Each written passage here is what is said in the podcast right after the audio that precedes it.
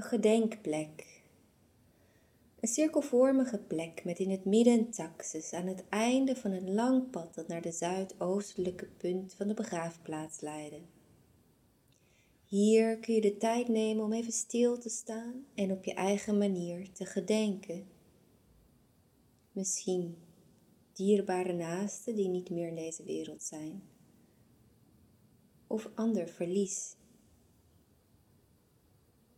Of na te denken over de natuur van vergankelijkheid.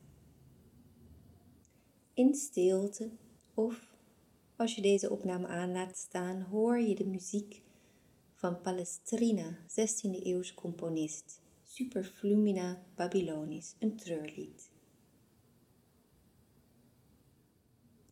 De oorspronkelijke versie is gebruik gemaakt van de tekst van Psalm 137 aan de rivieren van de Babylon. Maar deze versie is instrumentaal voor solo-klarinet, uitgevoerd door Sophie Breuren.